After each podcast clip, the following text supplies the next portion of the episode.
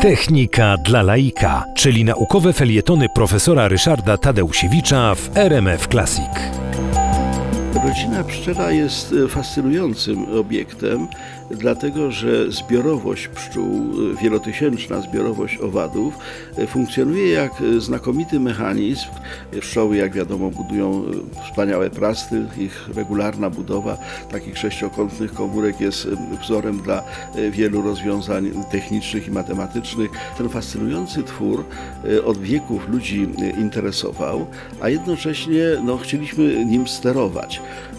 I e, jeżeli szło o e, maksymalne uzyskanie miodu, to e, doświadczenie całych pokoleń bartników było wystarczające do tego, żeby wiedzieć, co kiedy zrobić, na przykład kiedy te pszczoły podkarmić, kiedy im tam miód odsklepić, żeby uzyskiwać określone działania.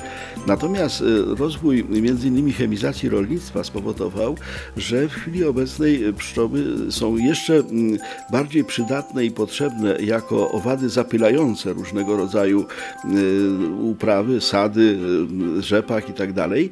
Y, I okazało się, że dla sterowania tym systemem, właśnie w takich nietypowych celach, dla uzyskania tych pszczół latających w określonej ilości po to, żeby zapylać, dla pozyskiwania jadu jako elementu, który można pozyskiwać dla celów farmakologicznych, z niego się robi rozmaitego rodzaju leki, dla pozyskania mleczka pszczelego, dla pozyskania pierzgi, a nie miodu. Do wszystkich tych celów potrzebne było narzędzie, które pozwala przewidzieć, co się będzie działo z tym systemem po określonych działaniach sterujących. Zbudowaliśmy takie narzędzie.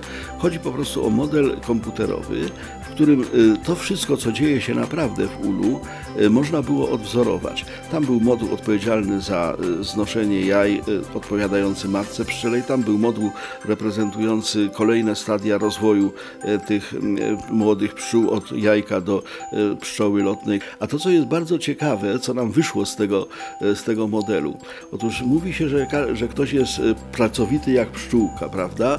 E, okazuje się, że nadmierna pracowitość nawet pszczołom nie służy. Był taki moment, kiedy chciano w Polsce wprowadzać na szerszą skalę pszczołę kaukaską.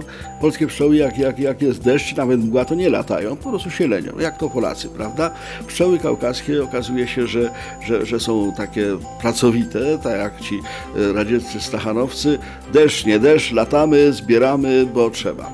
Okazało się z modelu, a potem to się potwierdziło w rzeczywistości, że te bardzo pracowite pszczoły tak naprawdę kradły miód, dlatego że, że w momencie, kiedy zaczynały latać w polskich warunkach, zjadały więcej miodu na te dodatkowe loty niż pozyskiwały na skutek tego, że no, no coś tam jeszcze więcej zbierały, ale podczas deszczu polskie kwiaty za bardzo nektaru nie dają.